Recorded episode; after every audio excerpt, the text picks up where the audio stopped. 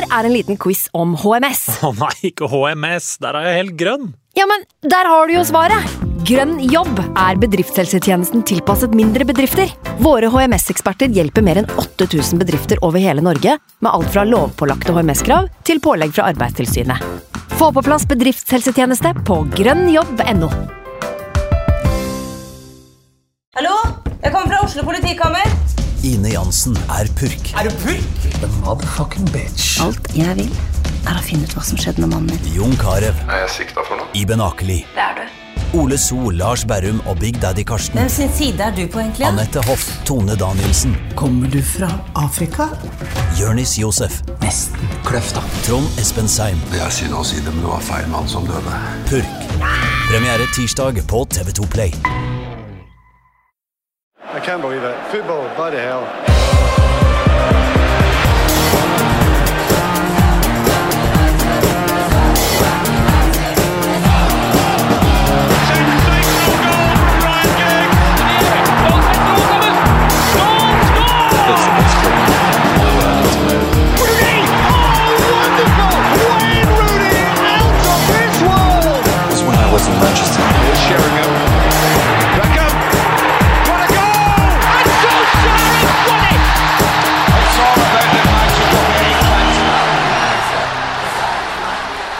Ja, det går jo så det suser, dette her. Eh, Velkommen til United We Podcast. Jeg heter Ken Vasenius Nilsen. I dag har jeg med meg fra TV 2, Marius Skjelbæk. Hei! Hva syns du om dette her, Marius? Nei, å være her er bra. Å være her er bra. Men jeg regner med at å være er bra. Eh, Men jeg regner med at det du sikter til her, er noe som jeg bør svare at eh, nå er det mørkt. Nå er, nå er det mørkt. Nå er det fryktelig mørkt. Vi har også med oss eh, Ole Petter Pedersen, tidligere redaktør for eh, US, United-supporteren. Mangeårig styreleder i supporterklubben også. Har litt eh, håp om at du skal tilføre litt pondus og perspektiv for oss i dag. Ja, Pondusen har jeg iallfall med meg, og det har vært verre før. Sånn ca. 1933 kan man si at det var verre. Vi skal tilbake dit, ja. ja Omtrent. Altså, Vi kan jo starte med det på en skala fra krise i Manchester United til krise i Manchester United. Hvor krise er det i Manchester United akkurat nå? Nei, nå er det jo kjempekrise. Det null poeng etter to kamper. Hadde ikke vært krise hvis det hadde vært litt sånn eh, stang ut. Men dette har jo vært eh, total katastrofe i to ganger 45 minutter. Eh, og så har det vært eh, eh, ikke ille i to ganger 45 minutter, men, eh, men det hjelper jo ikke. På vei inn i sesongen, eh, Marius, hva tenkte du om sesongstarten? Hvor positiv var du, hvor negativ var du? Eh, Jeg er jo litt skeptisk og negativ av natur. Um, Og det er ikke det at jeg ikke tror at Ten Hag er en dyktig trener. Jeg trodde heller eh, på en måte aldri at det eh, i utgangspunktet er sånn at ingen trenere skal lykkes i Manchester United. eh, men jeg hadde en dårlig følelse. Jeg må si jeg hadde det helt fra start, for jeg så ikke formatet hans. Jeg så ikke den lederskikkelsen der eh, da eh, folk var veldig, veldig positive. Og jeg frykta litt dette her. Ikke bare fordi at det var eh, Erik Ten Hag, men kanskje vel så mye hva han kommer til.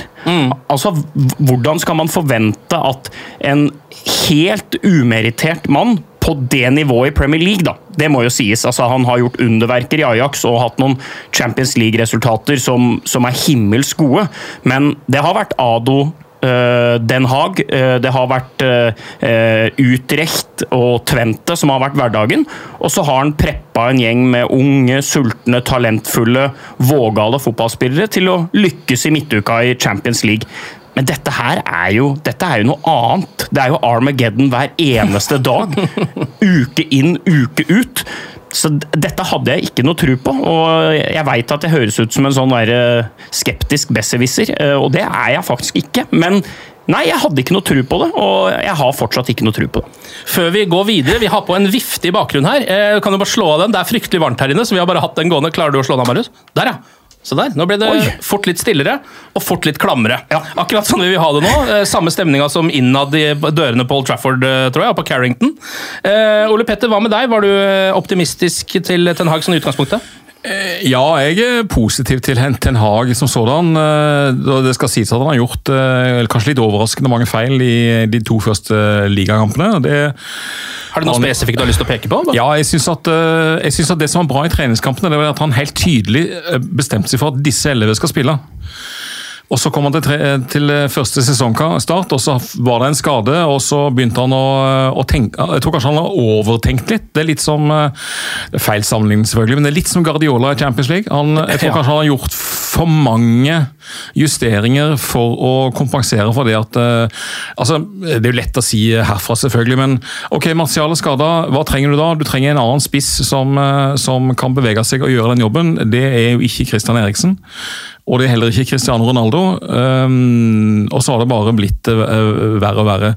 Det jeg tror er veldig avgjørende for Ten Hag så akkurat den samme oppgaven som David Moyes hadde i sin tid. Du kommer fra jeg har gjort en god jobb, og nå er du på en helt, helt annet nivå. Ja. Og du som trener, du må løfte deg, og du må lære veldig fort. Så hvis han lærer veldig fort, så øh, kan dette gå bra. Eh, Men hvis han ikke gjør det, så øh, har han ikke den jobben om et år. Det, det er helt klart. fordi at Ja. ja, jeg tror United, United sin tropp er nå så øh, bakpå på mange vis at her trenger du en god manager for å hindre at dette ikke blir en, faktisk en, en, et spill på langt ned på, langt, langt ned på tabellen. Og han har jo arva et defekt dødsbo. Det er jo det som blir forsvaret av denne mannen her. Jeg kommer aldri til å stelle meg i et sånt hylekor som uh, på en måte skal peke på alle mulige feil ved en manager man har sett lede Manchester United i to kamper. Men jeg klarer liksom heller ikke å unngå å tenke at dette er rett mann på totalt feil sted. Og jeg tror faktisk ikke at han nødvendigvis kommer til å få all den tida han trenger heller. Sånn fungerer jo dette gamet her. Altså, da David Moyes, en håndplukka, kanskje den nest beste britiske manageren etter Alex Ferguson på det tidspunktet Det var jo uhørt å sitte og snakke om at han skulle få fyken utpå nyåret, men det er name of the game. Og hvis ikke dette her kommer til å bedre seg radikalt, så er ikke ordet tålmodighet noe som er akseptert i Manchester United. Jeg tror eh, Ten Hag eh, står overfor eh, det som er en sånn klassisk lederutfordring. altså at Han må vise hvem som er sjefen. og Det, og det å løpe 13,8 km det er jo for så vidt en måte å vise hvem som er sjefen, men det holder ikke så lenge, det. altså. Han Jeg tror han må tørre å ta noen veldig tøffe avgjørelser, også til laguttak mot Liverpool. Og så tror jeg han faktisk må prøve å kvitte seg med de spillerne som han mener egentlig motvirker hans ønske om endring av kultur i løpet av de 14 dagene vi har igjen. Eh, og det er jo ikke James Garner som er problemet, som de nå plutselig har funnet skal være til salg, så det kan godt tenkes at han eh, aldri er på nivået som United trenger, men, men eh, akkurat nå så virker det som om han har vært veldig, egentlig veldig naiv i begynnelsen. Og sånn som uh, i gamle dager så kunne du liksom selge en spiller på dagen hvis han skrev noe i en bok uh, du ikke likte, men, men sånn fungerer det ikke lenger. sånn at uh, han er i ferd med å skape seg et problem for de neste seks månedene. Og det, det er veldig vanskelig å se for seg f.eks. at han skal spille med Ronaldo og få det til å fungere som han sjøl ønsker, Ten Hag ønsker. Eh, og det er veldig vanskelig å se for seg at Ronaldo skal sitte på benken fram til januar. Det, det kommer ikke til å gå bra. Nei, og det liksom jævlige å, å tenke på her er jo også eh, Hvis nå det viser seg at Ten Hag ikke er mannen, da. Eh, som det da mest sannsynlig kommer til å ende med, er jeg redd. Eh, så må man begynne på nytt.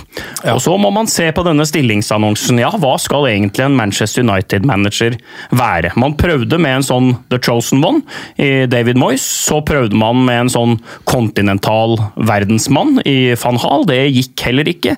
Så prøvde man en litt sånn gæren tittelgrossist, som man tenkte at ja ja, nå er vel tiden moden for at vi faktisk tar Mourinho.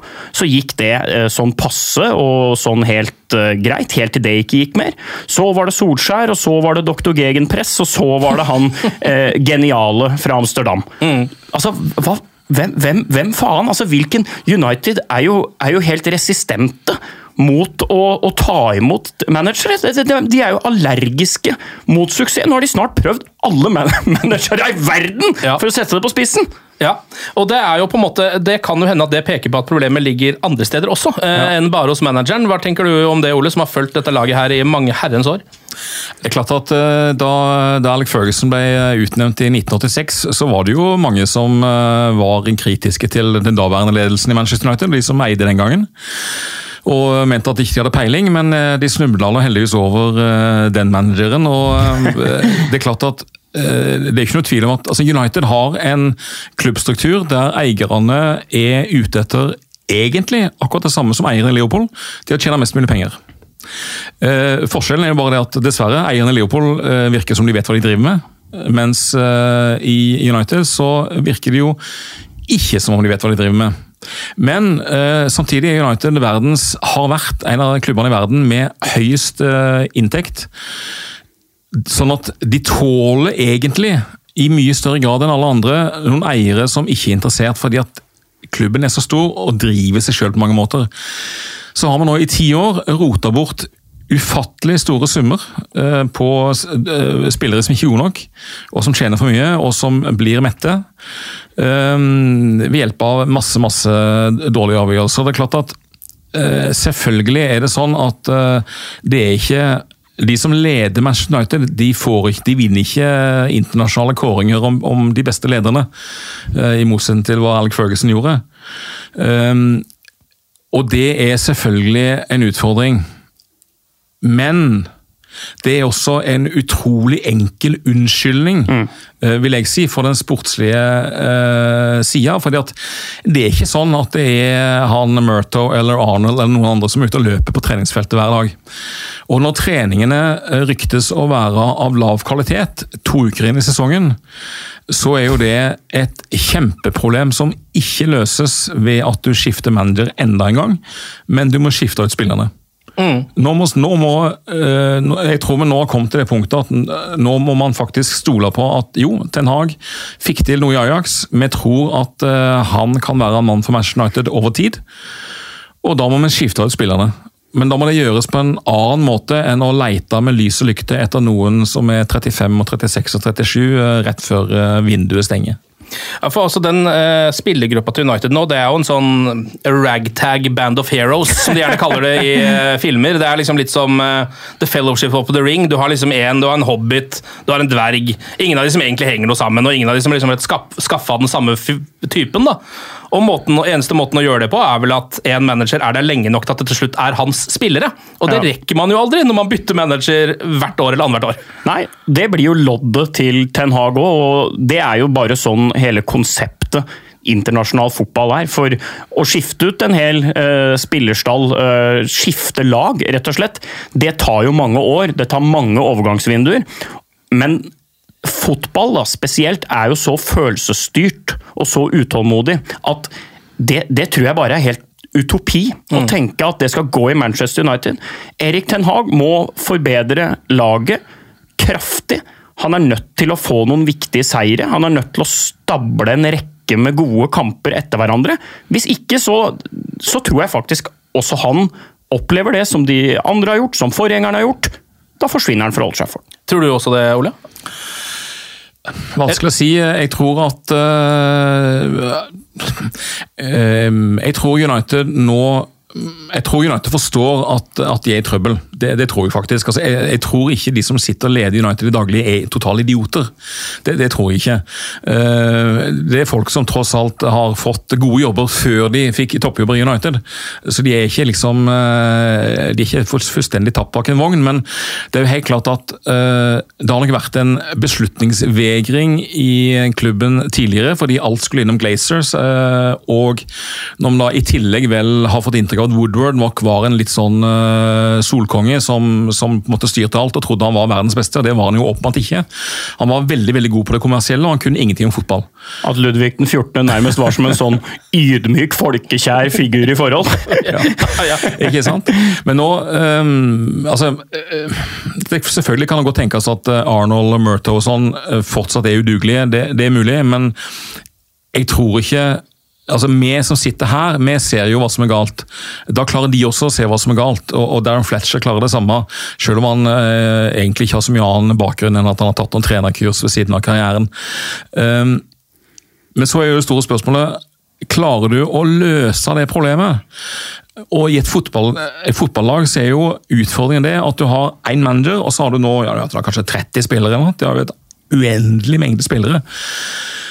Eh, og Det å bli kvitt disse spillerne tar jo, sånn som for eksempel i Phil Jones i tilfelle, tar det fire år. Det tok vel tre år å bli kvitt Royo. ikke sant? Altså, det tar utrolig lang tid å bli kvitt disse her eh, folka som aldri skulle vært der i utgangspunktet. Eller i, Jones i tilfelle skulle han forstått vært der, men sånn at du må ta et valg. altså Enten så, så må man nå stole på at manageren klarer å få til dette over tid. Og da, da må det gå så, så ille som det, som det kan komme til å gå. Eh, eller så er du bare i en ny sånn runddans. så det, eh, det, klart det som er Problemet til United nå, eh, er jo åpenbart for alle. så Det finnes jo ikke ryggrad i den sentrallinja. Nei. Det finnes ingen spillere i den sentrallinja som spilte mot Brentford som du ville ha, ha, ha starta med, altså de som starta, eh, som du virkelig kan stole på. Det, da kommer du til å tape veldig mange kamper mot lag som løper mer, vinner andre duellene og eh, rett og slett bare har lyst til å vinne denne kampen mer enn deg. Men uh, hvorfor er dette et større For det er, altså, eh, det er jo et gjennomgangsord her som er tålmodighet. Det har blitt brukt om Manchester United uh, siden Moyes, egentlig. Tålmodighet, tålmodighet, tålmodighet. Uh, ennå ikke sett i praksis. Vet ikke hvordan det ser ut når det faktisk blir brukt. Vi kan jo hende det funker.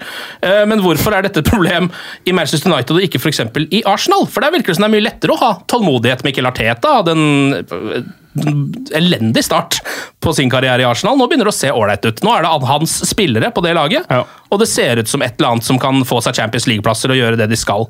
Hvorfor er det vanskeligere å være tålmodig i Manchester United enn i Arsenal, som også er en svær klubb?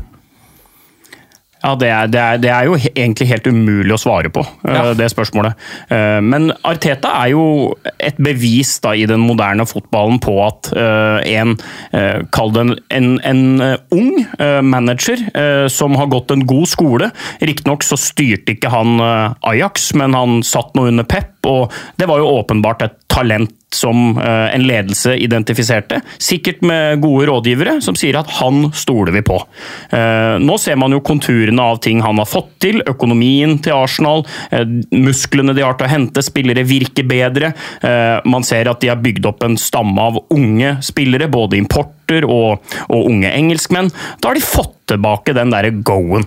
Og det er jo klart det er jo det man håper på med det jeg sa først, med at jeg tvilte på Ten Hag. Det tipper jeg det var en del i Arsenal som gjorde, eh, når man så at naboklubbene uh, henta større managernavn, eh, Liverpool fikk Klopp, ikke sant, osv. Så, videre. så du kan si arven etter Arsène Wenger, det tok jo noen år. eh, faktisk også med større trenernavn, som gikk på snørra etter hvert i Arsenal også. Men så klarte de å finne den derre eh, som United nå drømmer om med Ten Hag. Da. Så trenger ikke jeg å være noen drømmeknuser. altså Det er ingenting jeg ville gleda meg mer over enn at eh, om United lykkes med dette her, men det er liksom bare ingenting i meg, klok av skade, som tror at det kommer til å gå. Ateta har jo også tatt et par viktige valg. ikke sant? Han, han kvitta seg med, med kapteinen eh, og, og liksom gjorde det veldig tydelig hva slags type spiller han ville satse på. og Det, det var jo kanskje Solskjær sin store feil. at eh, Han kom inn, gjorde jo kjempebra en periode. Litt uh, svakt i slutten av begynnelsen første sesongen, men, men de ble nummer to for eh, 15 måneder siden. Riktignok et stykke bak City, selvfølgelig, men, men da, da kunne du se konturene av et lag som kunne fungere sammen. Så signa de tre spillere den sommeren, og ingen av de har egentlig fungert. Eh, og så gikk det bare nedover. Og um, Jeg har lurt på hva, hva hadde skjedd hvis du ikke hadde kjøpt noen den sesongen. Det, de hadde iallfall ikke blitt så ille som det, som det ble. Så noe skjedde den sommeren, og, og nå må du bare rydde opp. for at Altså, Det er liksom litt annerledes for oss som går på jobb hver dag og kanskje har en kollega som du ikke helt syns fungerer sånn i det daglige. men liksom, ok, det, Vi får det til å funke, men, men i et fotballag så må du de som skal eh, enten starte kampen eller komme inn, de må gjøre den jobben som manageren bestemmer at de skal gjøre. Du har ikke noe valg. Ronaldo kan ikke spille sin kamp og Fernandes sin kamp, og, og uh, Maguire kan ikke tro at han er i championship fortsatt. Altså, man må faktisk gjøre det som manageren ber om. Og da kan du ikke løpe 13,8 km mindre enn Brentford. For det betyr egentlig at da ber du om å bli solgt. Og Når du da i tillegg har, har nerver retta på at det går til styret og sier at man trenger med flere spillere, ja, det syns jeg bare er helt håpløst. Ja, altså Vi kan jo ta den med en gang, for jeg har fått inn en del spørsmål på uh, Twitter. Um, og Lasse Ødegaard spør kasta Ten Hag spilleren under bussen, eller var han bare ærlig? Dette her er jo postmatch-intervjuet hans etter Brentford, hvor han da uh, ja, kort fortalt kanskje skylder litt på spillergruppa og sier at vi må ha nye spillere. Mm. Hva tenker dere? Nei, Forgjengeren gjorde jo akkurat det samme, så det, det, er, jo noe, det er jo ikke noe overraskelse, det. Jeg syns jo at uh, Dr. Gegenpress, som jeg kalte den, uh, han, uh, han var jo enda mer brutal. altså Han sammenligna det jo med en hva kalte han en full heart surgery. altså Det holder ikke å få inn én eller to, vi må ha ti ut og ti inn.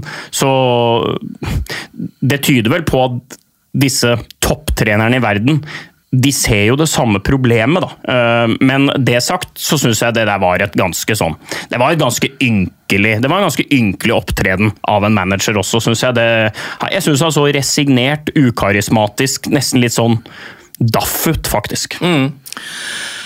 Han fikk, vel, han fikk jo et sjokk, det er jo ingen tvil om det. Altså, en ting er at de tapte for Brighton, det, det, kan man liksom litt tilskrive som Det var ikke uflaks, for Brighton var det beste, beste laget, men, men det var ting der som var ok.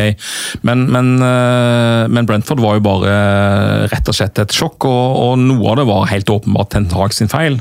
Men det at han kanskje ikke tar opp det perfekte laget, skal ikke gi, bety at det blir 0-4. og Det burde vært jo ja, 7-8, liksom. Det, så ille var det jo. Så jeg vet ikke eh, altså Vi har jo hatt eh, verdensmesteren i å kaste spillere under bussen, nemlig Mourinho. og det Ten Hag er jo ikke i den klassen. Eh, men det er klart at Jeg tror at Altså, jeg tror spillere aksepterer for så vidt uh, offentlig kritikk, for her var det jo ikke en tvil heller om at den var berettiget. Uh, men det er klart at det må komme offentlig kritikk fra en person som de tror skal kunne bidra til å gjøre det bedre. Hvis de bryr seg. Og det siste elementet det må vi jo stille dessverre ganske mange spørsmålstegn ved. fordi at det jeg frykter, for Jeg har gått rundt og trodd at, at dette kunne gå bra hvis vi får en kanskje litt par de rette typene. De der sjefene på banen eh, som kan løfte de andre, så, så er vi liksom litt på gang igjen. Men, men, det jeg er bekymra for nå, det er jo det at du rett og slett kanskje har ti spillere som ikke bryr seg. Mm. Og Derfor får du dårlige treninger i uka, og da får du selvfølgelig også dårlige kamper. Så øh, kanskje han skal begynne med å ta ut de elleve som trener best, og så får det gå som det går i kampen. Ja, fordi altså, den spillerstallen der er jo uh, sammenlignet med sånn med skilsmissebarn. Altså at De er såpass, uh, de har vært så, gjennom såpass mange spesielle opplevelser her uh, at, at, det er akkurat som at idet de bare kommer inn i et nytt hjem, så vet de at ja, det kommer til å bli et helvete her også. Mm. på en måte. Mm. og Det ser man jo når de er ute på banen. Det er jo et, eller sånn, det skal ikke mye til før det knekker ryggraden på samtlige spillere. da. Nei. Det er ikke bare et baklengsmål, det er nesten bare en bom fra Bruno. det. Bruno 20 meter over, og så er det sånn Nei, faen. Ja ja, da taper vi vel i dag òg, da. Og se eh. hvilken klasse det egentlig er, da. Hvis du sånn uh, sett utenfra hvis, altså, Manchester United er jo som en sånn derre uh, championship manager save som ja. du ikke kan skru av i sinne når det ikke går. Ja. Altså Her har du henta uh, topp, topp landslagsspillere i, i år etter år etter år. altså hvis du da ideelt sett da sier at du har tre, ja, tre stoppere, da. Lindeløv, mange landskamper har han for Sverige. Sverige mesterskap stort sett hvert eneste år. Harry Maguire, ja, landslagsstopper for England. Uh, så har du Varan. En haug av Champions League-titler for Real Madrid. Basert på karrierer og meritter og CV, så er det topp, topp midtstoppere. Bekkene, uh, på et tidspunkt så var det begge ja, ja, du har jo Trent Alexander Arnold for all del, men du har liksom backer på sånn engelsk landslagsnivå. Det var jo det med uh, Gary Neville i, i, sin tid. ikke sant? Så flytter du deg lenger fram på bana, og for hver posisjon du kommer, så er det topp, topp spillere. Ja. Det er bare at det er helt dødfødt, uh, det prosjektet de har sammen. Ja, det er jo det. Um, og la oss se litt på noen av de spillerne. da. Du var jo innom det her, uh, Ole, at uh, Aubameyang ble sendt ut av Miquel Arteta. En av de første sånn, tøffe avgjørelsene han tok på veien mot noe som i hvert fall ligner på suksess etter hvert. Um, og den eh, parallellen kan jo dras ganske lett til Cristiano Ronaldo nå, syns jeg. Eh, den beste, uh, i anførselstegn i hvert fall, og mest velrenommerte spilleren på laget, som også kan være et problem. Um, nå har Samuel Duckhurst i Manchester Evening News skrevet at Ten Hag er åpen for å kvitte seg med Cristiano Ronaldo, uh, men at Joe Glazer er imot. Hva, hva, hva, er tankene? Her er det ganske mye synes jeg, å ta tak i. Hva tenker dere? Nei, hvis, eh, La oss anta at dette stemmer, da. Ja.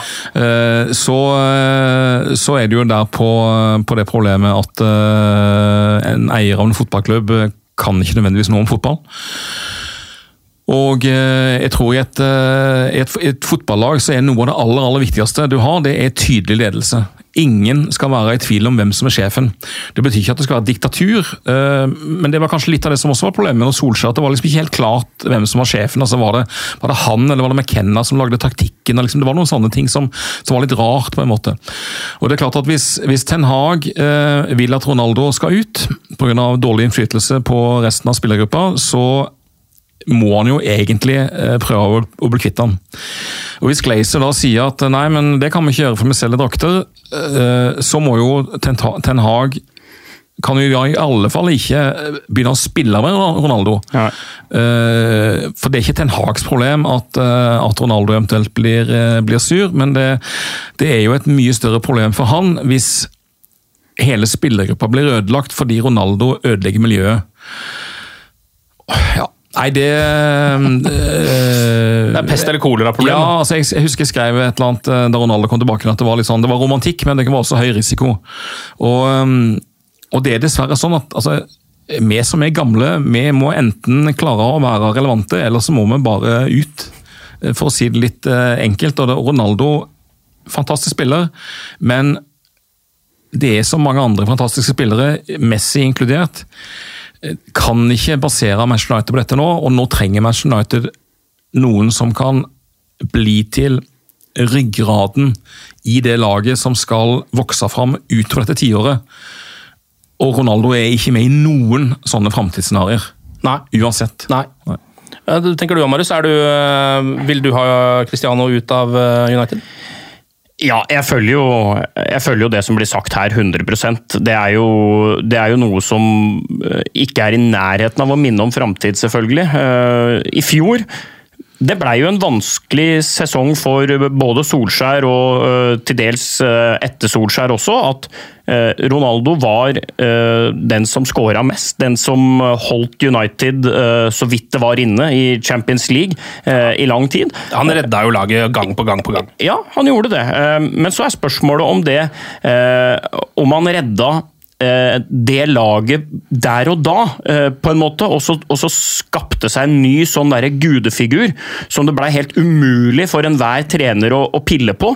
For fansen så er det jo sånn at når du står der mot uh, Via Real og trenger den skåringa, så kommer den fra Ronaldo. Så dropper du jo alt du tenker om at han ikke har funka her og der, for da blir du bare så glad for at laget ditt vinner. Og det er jo det der som er livsfarlig med å ha noen sånne aldrende superstjerner som han, da.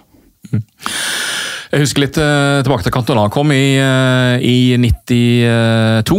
Um, og han ble jo en sånn person som uh, fikk enorm betydning i klubben utafor banen også.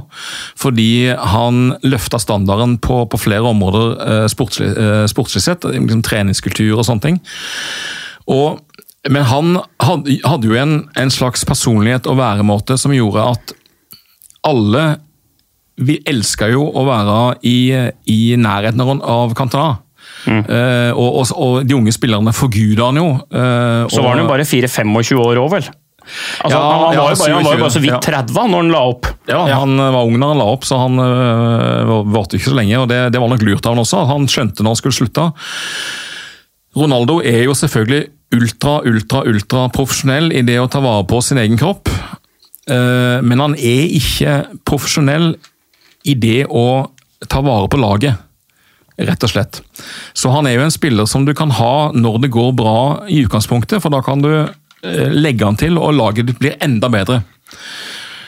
Men når laget er dårlig, så er det ikke den personen som vinner duellene eh, på midtbanen og får fansen opp på eh, føttene fordi de er glad for at noen bryr seg. Liksom. Han, han står der og vifter med armene og, eh, og er ganske så stillestående, Mm. liksom. Og det Nei, jeg vet ikke. Jeg er ikke noe eller jeg, I likhet med mange andre fans har jeg kanskje litt grann fotballtrenerutdanning, men, men Jeg skal ikke si at jeg er noen ekspert, men jeg ville jo heller ha tenkt at en Ten Hag bør velge en midtspiss nå som gjør den jobben Ten Hag vil at han skal gjøre.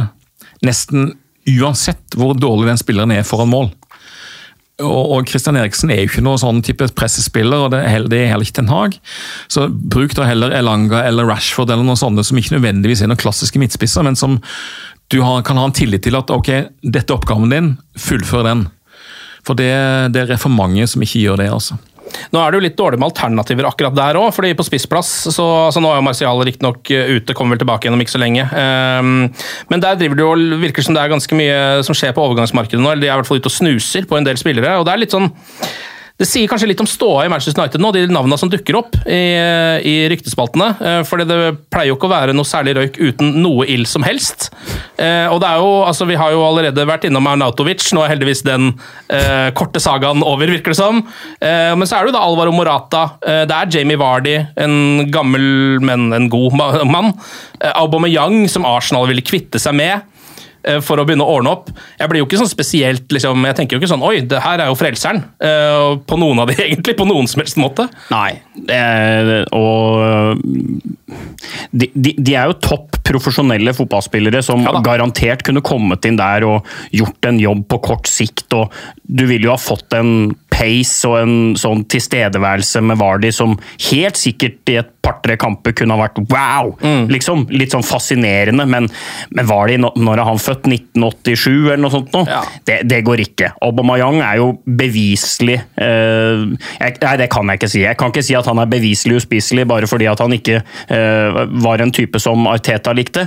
Eh, Arnatovic, det syns jeg hørtes ut som en sånn Det synes jeg hørtes ut som en sånn fattigmanns Teddy Sheringham-signering. Eh, Ja. Og nå så jeg også at eh, United eh, var eh, linka til Konya. Det er jo også Ja. en sånn han har jeg sett altfor lite. Jeg husker jeg kommenterte den faktisk da han spilte i, Leipzig. Jeg tror han scora på Lerkendal, men jeg ser jo ikke at jeg, jeg klarer ikke helt å se at det er altså Konkurrentene henter Erling Haaland og Darwin Núñez, og jeg, det, jeg klarer liksom ikke å se at Er det det Manchester United er blitt? Nei, jeg tror, eh, jeg tror egentlig altså jeg, jeg, På en måte skjønner jeg at Ten Hag tenker at ok, jeg må få inn noe nytt blod her nå Ja. før 1.9. For at vi kommer ikke til å klare oss gjennom sesongen når det er så trist som det er. Og Sånn sett kan det være at Vardy på en måte er en, eh, en bra figur, for han er jo han har jo definitivt eh, Han er tøff i trynet, og han, han lar seg ikke imponere over verken musklene eller trofeene til Ronaldo.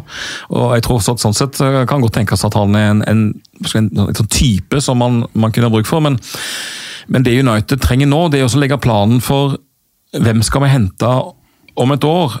Altså, United må komme til den situasjonen som Liverpool er, og det, jeg liker jo ikke å si gode ting om Liverpool. Men, men hvordan de henter spillere nå for tiden, er veldig imponerende. Eh, sånn som Núñez hadde United uh, altså Helt åpenbart han velger Champions League-klubb uh, enn United akkurat nå, men, men la oss si at det var en spiller som United ville ha, da, og ikke, han var, ikke var aktuell for andre toppklubber, så hadde det trukket ut i tid. Eh, Det er ikke bare de Jong-sagaen det skjer med. altså United gjør dette, har gjort dette på en veldig tilsynelatende veldig merkelig måte i mange år. og Det må man vekk fra, for at du må bygge laget ut fra de spillertypene som manageren trenger. Eh, ikke ut fra hvem en eller annen sportsdirektør som ikke er like smart som manageren fotballmessig, uh, syns passer inn eller selger nok drakten. Eller whatever. Og det var jo det som var det poenget mitt i stad. eh, med Hvis du ser spiller for spiller, så er det jo sånn at det er jo nå drøyt år siden United signerte Sancho, f.eks., som var eh, rata som eh, et av de mest spennende eh, produktene engelsk fotball har hatt på mange, mange år. Eh, Dortmund altså jeg så ikke hver kamp der heller, men klart han, han, hadde, en, han hadde en rå sesong i fall bak seg i, i Bundesliga. Så får man han. Så har man jo Rashford fra egne rekker, eh, som også er en klink engelsk landslagsspiller med i mesterskap. Altså, så det er noe med sammensetninga her som, som åpenbart er feil. da. Mm. Jeg er enig i det. og eh, det var en veldig... Man snakker om Arnatovic, og så har man Marcus Rashford, på en måte. Ja. Hvis man kunne ha valgt der, hvis enhver en logikk, enhver fornuft ville ha sagt at da trenger vi jo ikke han. Rashford med selvtillit er jo mye bedre enn Arnautovic noen gang var. og Det, det var en eh, veldig interessant podkast med David Moyes eh, i en podkast som heter High Performance tidligere i år. Hvor han snakka en, del om, en del om feilen han gjorde i United, som var veldig interessant. Men han snakka også litt om det med å ha hva skal vi si, managerens representanter på banen. Og De, de snakka en del om Mark Noble, da, som har hatt den rollen i Westham. Men det Moyes sa, var ganske interessant. var det at eh, Ja, sånne spillere er viktige, men han vil ikke ha for mange av dem. Han ville kanskje, kanskje du kan tenke deg én i hvert ledd. altså det det er ikke, jeg, er, jeg er uenig med Ragnhild som sier at du trenger ti nye spillere. Eh, det er mye viktigere å få de tre helt rette spillerne. Som går inn og tar rollen og uh, danner denne ryggraden som jeg snakker om, som er helt fraværende. Og det, uh, Etter mitt skjønn så handler ikke det nødvendigvis bare om fotballkompetanse. for at det er ingen tvil om at De Gea var Uniteds beste spiller i fjor, så, i fjor. Men David De Gea kommer aldri til å dominere uh, den siste tredjedelen av banen, sånn som uh, f.eks. Alison eller andre moderne keepere gjør det. Og, og som Schmeichel gjorde i sin tid. Og da er jo spørsmålet ok, kan man leve med en sånn keeper. Det kan vi for så vidt hvis vi har en ryggrad lenger fram, men det mangler jo. Så et eller annet sted må du begynne å si at ok, disse spillerne Harry Maguire, helt ok spiller, absolutt. Men han er jo ingen eh, Nemanja Vidic. Ikke sant? Og, og, hvem vil du ha på laget ditt, Nemanja Vidic eller Harry Maguire, når du, når du sliter og, og, Brentford kommer og pøser baller inn i feltet? Ja. Eh, det er ingen tvil. Og det er de typene vi må få inn. Og hvis det da er en 30-åring som varer i to sesonger, men som løfter laget akkurat da, så, så er det greit. altså. Og, og kanskje han Rabot er et slags, uh, en slags uh, spiller for midtbanen. Ingen aning, men de må ha den der gutset som hele Brentford og hele Brighton viser. Liksom egentlig alle, alle, alle, andre lag i Premier League viser. Ja. Ja. For det er, noe, det er, noe, rart der i United. altså. Jeg syns ja. Rabiot høres ut som en farlig signering. Uh, I den shapen Manchester United er nå. Uh, tidlig av et uh, gedigent talent tjent sinnssyke penger opp igjennom. Uh, spilt i toppklubber, men har et sånt uh, kontroversielt stempel på seg som, som følgeren. Så veit man jo hvordan media fungerer og sosiale medier fungerer. altså Sannheter, eller usannheter, blir jo blåst opp som sannheter. Mm. Men jeg syns den høres farlig ut. Og det samme tenker jeg med Icardi. Det høres også, ja uh, Ferguson sa vel i sin tid at du vinner ikke titler uten et rasshøl eller to. og det, det, det tror jeg han på, for all del. Men jeg er litt usikker på om det er rasshøl Manchester United trenger nå. I, og ikke vet jeg om de egentlig er det. Altså, det kan være en gæren mor som er agent, og det kan være noen uh, utroskapsgreier og noe skifte av noen partner og greier i den andre delen. Som, det, det, er umulig å sitte på utsida og vite, men for meg høres det der giftig ut. Altså. Ja, og bare ta den eh, ja, eh, statusen per United nå, og så få inn liksom Aubameyang og Rabiot og et par andre rasshøl. Det, høres ikke ut som noe vinneroppskrift, det gjør jo ikke det. da. Nei, jeg synes ikke det. Eh, det er flere spørsmål her fra Twitter, eh, og det her har vi jo vært så vidt innom, men eh, vi kan jo se om vi får litt klarhet i det. Det er Jens Robert Helland som spør hvem er det egentlig som bestemmer hvem vi faktisk skal hente. Er det Ten Hag, eller er det Murtau? Og ser vi nå hvor viktig Overmars var for Ten Hag, skriver han, i Ajax. Eh, hva tenker dere? Vet du noe om det, Ole? Hvem er det som egentlig sitter på denne makta? Jo, nå skal du høre. Nei, eh, jeg har dessverre ikke, jeg har ikke noen livestream fra kontoret til Murto. Eh, men det er vel ikke så veldig annerledes i United, oppfatter jeg, som andre klubber nå. At du har en, en sportsdirektør som i alle fall har veldig mye han skulle ha sagt. Eh, og som eh, Og jeg er jo kanskje jeg er såpass gammel at jeg eh, av og til tenker at var, ting var bedre før. Men det, det jeg syns er problemet med, den, med at sportsdirektøren får for mye å si når det gjelder hvem man skal signere, det er det at det er manageren som må være den sportslige sjefen. Det kan ikke være noen andre. Og noen, I noen klubber så fungerer det veldig bra. Du ser det I City fungerer det veldig bra. eh, I, eh, det ser også ut til at det fungerer bra i Arsenal. Eh, Men også en del tilfeller at dette har fungert veldig dårlig, hvor du har hatt en veldig svak sportsdirektør. Tottenham annet, har hatt mye problemer med det før. Eh, og hvor, hvor du ender opp med en, egentlig en fight mellom manageren og sportsdirektøren. Um, men det er, jo, det er jo ikke sånn at United kan gå ut og hente de de, de vil. altså er ikke, De er ikke Champions League, og nå ligger de i bånn i Premier League. og det, Hvem i all verden er det som vil gå til United hvis du kan spille for Barcelona i stedet? Ja, og apropos akkurat det. Eh, Eirik Vadseth spør da, har United sett seg så blind i jakten på Frenkie de Jong at man har satt bort de midlene totalt? Eh, for Siden man da er ute og prøver å få tak i noen Arnautovicer og noen Vardier og noen Monratar. Det er ikke akkurat liksom, De har ikke tenkt å splash the cash eh, på den spissen. Nei, øh, og det er vel sikkert fordi at nå har de en manager som har isolert det viktigste og største problemet, og det mener jo han da at er sentralt akkurat nå. Eh, og Da syns jeg faktisk det eksempelet du bruker med denne ryggraden eh, i sentrallinja er, er helt elementært, og det er jo da åpenbart eh, den spilleren han har ønska seg mest. Det er sikkert kanskje den spilleren av de aktuelle som han føler at han kjenner best. Eh, og jeg ser jo ikke bort fra at de to har en såpass sterk relasjon at uh, noe i Frenkie de Jong tenker at dette kunne ha vært stas å være med på. Det kunne ha vært kult og blitt kanskje Ten Hags prosjekt i Manchester United, svar på det kanskje Roy Keane blei for Ferguson. Altså eh, forskjellige spillertyper, men, men du blir jo det her midtbanelimet. Du blir den sentrale midtbanespilleren som Ferguson ønska seg. Den kjøpte han fra Nottingham Forest.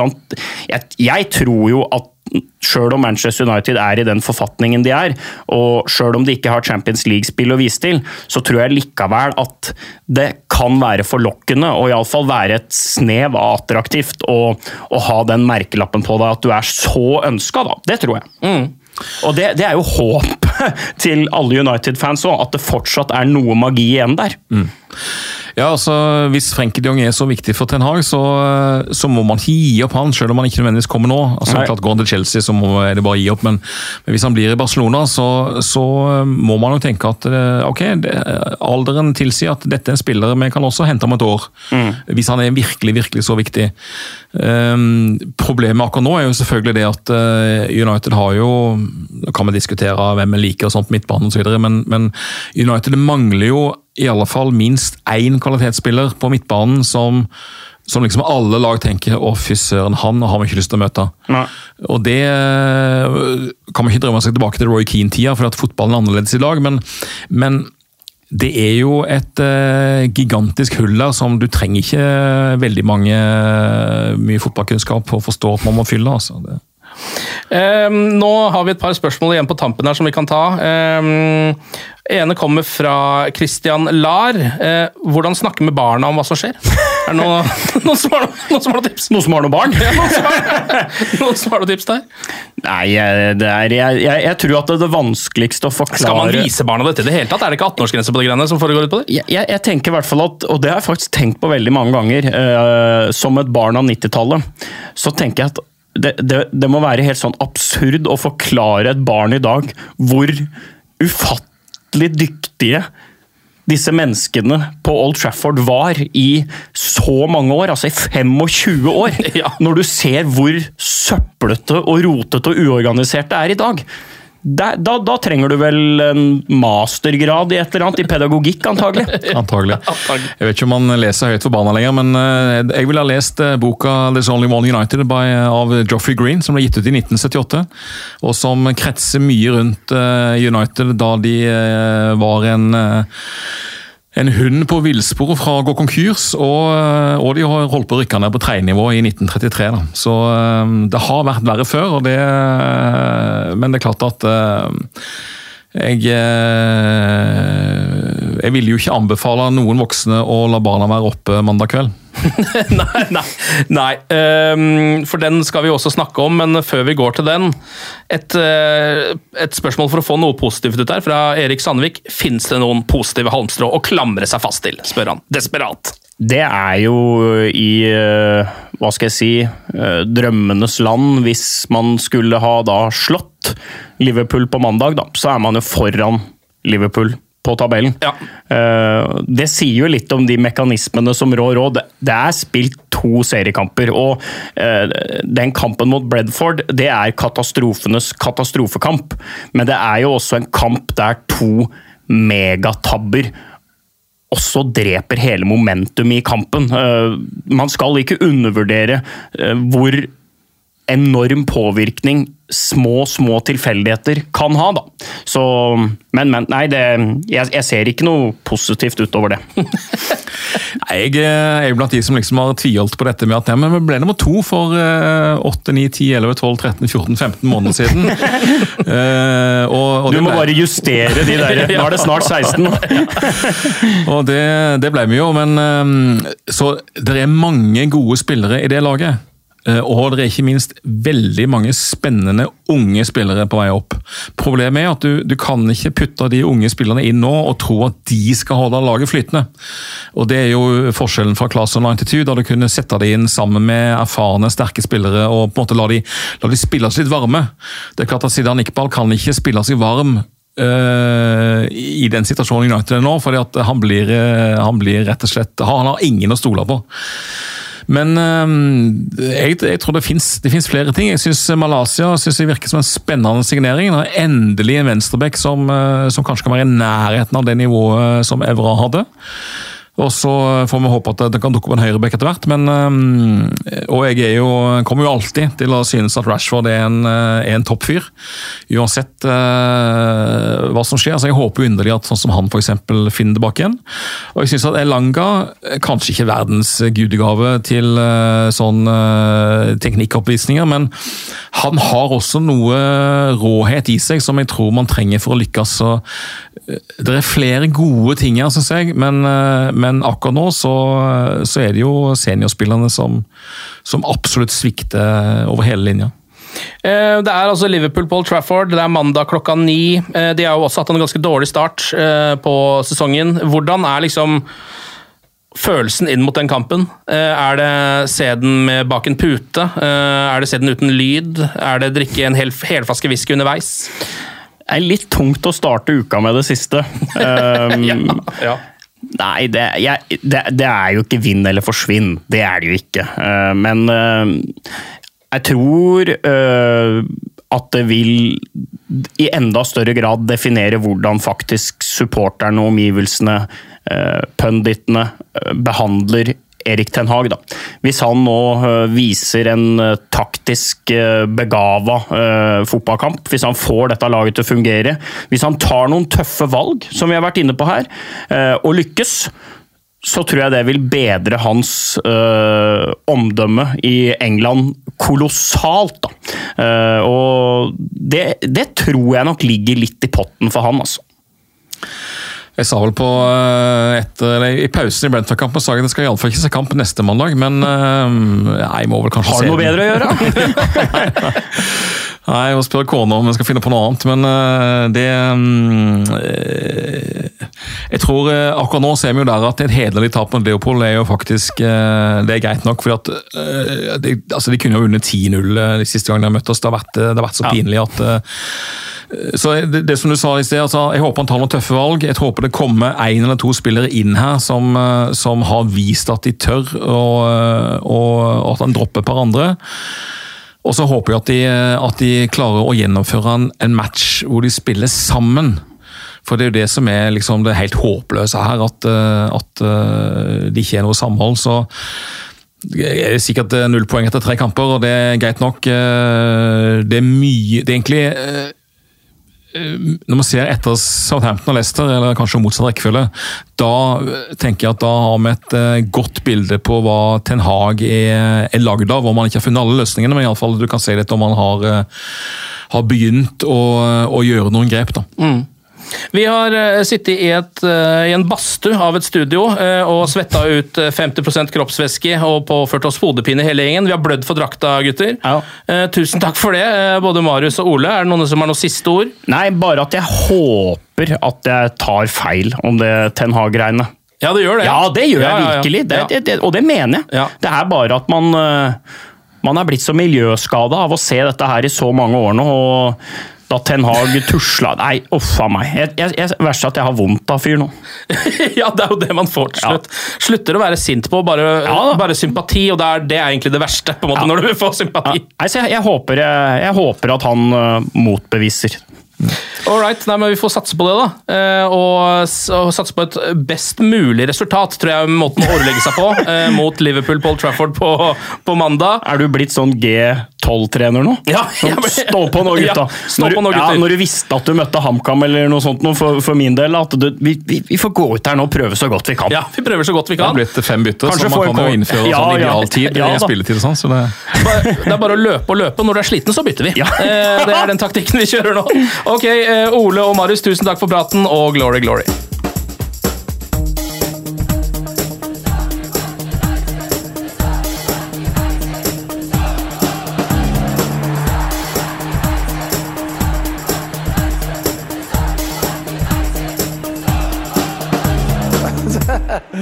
It's true. I've seen many things. Moderne media. Ukens annonsør det er matkasseleverandøren Hello Fresh. Der kan du velge mellom 25 ulike oppskrifter hver uke, eller få Hello Fresh til å sette sammen en meny for deg. Jeg sparer tid på å handle, oppskriftene er veldig enkle å lage, og så får jeg akkurat det jeg trenger da, til hver eneste rett, så jeg slipper å kaste så mye mat som jeg vanligvis gjør. Det er også litt deilig å faktisk slippe å gå på butikken, ikke bare fordi det er tidkrevende, og sånn, men fordi man ender opp med å kjøpe så mye greier som man egentlig ikke trenger, sånn som fire poser eh, Smash og en kick med havsalt, eksempel. Det er ikke det du egentlig er der for, du er der for å kjøpe, kjøpe middag. Så det er en veldig eh, kjekk ting. I tillegg så er det jo eh, ferdigporsjonerte ingredienser, det blir mindre matsvinn, og du betaler bare for det du faktisk trenger, og det du faktisk da spiser. I tillegg så blir det da levert på døra eh, til et fastsatt tidspunkt, sånn at du kan få det akkurat når det passer for deg eh, sjæl. Hvis HelloFresh høres ut som noe for deg, så har jeg en rabattkode du kan bruke også. Gå inn på hellofresh.no og bruk koden HelloUnited24.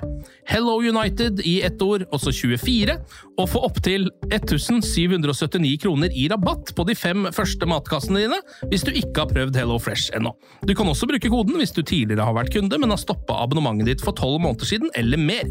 Det er ingen bindingstid, og du kan pause eller avslutte abonnementet ditt akkurat når du selv måtte ønske. Husk koden HelloUnited24, og bon appétit! Ukens annonsør er Folio, en smartere banktjeneste for deg som har en egen bedrift eller ønsker å starte for deg selv. Folio er en superenkel nettbank for bedrifter. Som kunde i Folio får du en bedriftskonto med et bedriftskort og app. I denne appen er det smarte løsninger som forenkler regnskapet ditt, uansett om du har en liten bedrift eller et enkeltpersonsforetak. Folio er både intuitivt og brukervennlig, og er laget med et enkelt språk. I tillegg tilbyr de forutsigbare priser og ingen skjulte gebyrer. Skulle du likevel trenge det, så kan du snakke med deres raske og hyggelige kundeservice, og der får du prate med en faktisk person og ikke en chatbot. Folio er med andre ord både enklere og koseligere enn banken. Over 10 000 bedrifter har allerede valgt Folio som sin banktjeneste, så besøk folio.no og se hvordan Folio kan forenkle din hverdag også. Har du et enkeltpersonforetak eller en liten bedrift? Da er du sikkert lei av å høre meg snakke om hvor enkelt det er med kvitteringer og bilag i fiken, så vi eh, gir oss her, vi. Fordi vi liker enkelt. Fiken superenkelt regnskap.